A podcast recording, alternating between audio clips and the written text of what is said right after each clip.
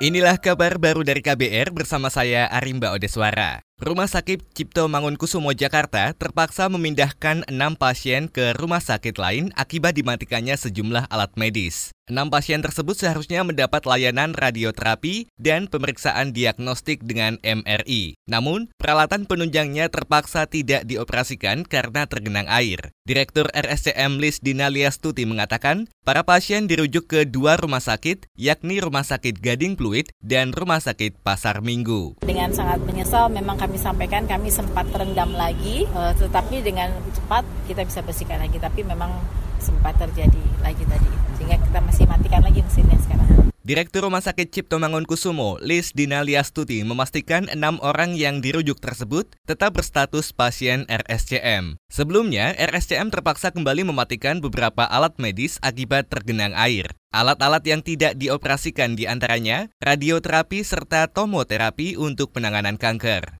Sementara itu, saudara, kepolisian menggelar olah TKP pasca kericuhan di Mal Aeon, Jakarta Garden City, Cakung, Jakarta Timur. Dikutip dari Antara, Direktur Reserse Kriminal Umum Polda Metro Jaya, Suyudi Aryo Seto mengatakan, satu orang ditangkap dan tengah diperiksa karena diduga terlibat dalam insiden itu. Keterangan ini berbeda dengan yang disampaikan juru bicara Polda Metro Jaya, Yusri Yunus. Saat dihubungi KBR, Yusri mengklaim tidak ada penangkapan. Menurutnya, masalah tersebut sudah rampung lewat mediasi. Memang sudah turun dari Polsek dan Polres setelah dibantu dari teman-teman TNI untuk mengamankan pertama karena memang kan terjadi sempat ada sedikit masyarakat melempar ada satu kaca pecah. Tapi sudah diamankan dan sekarang sudah dimediasi tadi dari pihak manajemen sama masyarakat perwakilan ketemu langsung dengan ini ya, dimediasi oleh teman-teman dari uh, Polres, Polsek dan juga ini sekarang sudah selesai semua. Itu tadi juru bicara Polda Metro Jaya Yusri Yunus yang dihubungi lewat sambungan telepon. Yusri juga membantah ada aksi penjarahan di Mal Ayon. Saudara, Mal Ayon ditutup sementara pasca unjuk rasa oleh masa pagi tadi. Para demonstran menuding mal tersebut sebagai penyebab banjir di wilayah sekitar.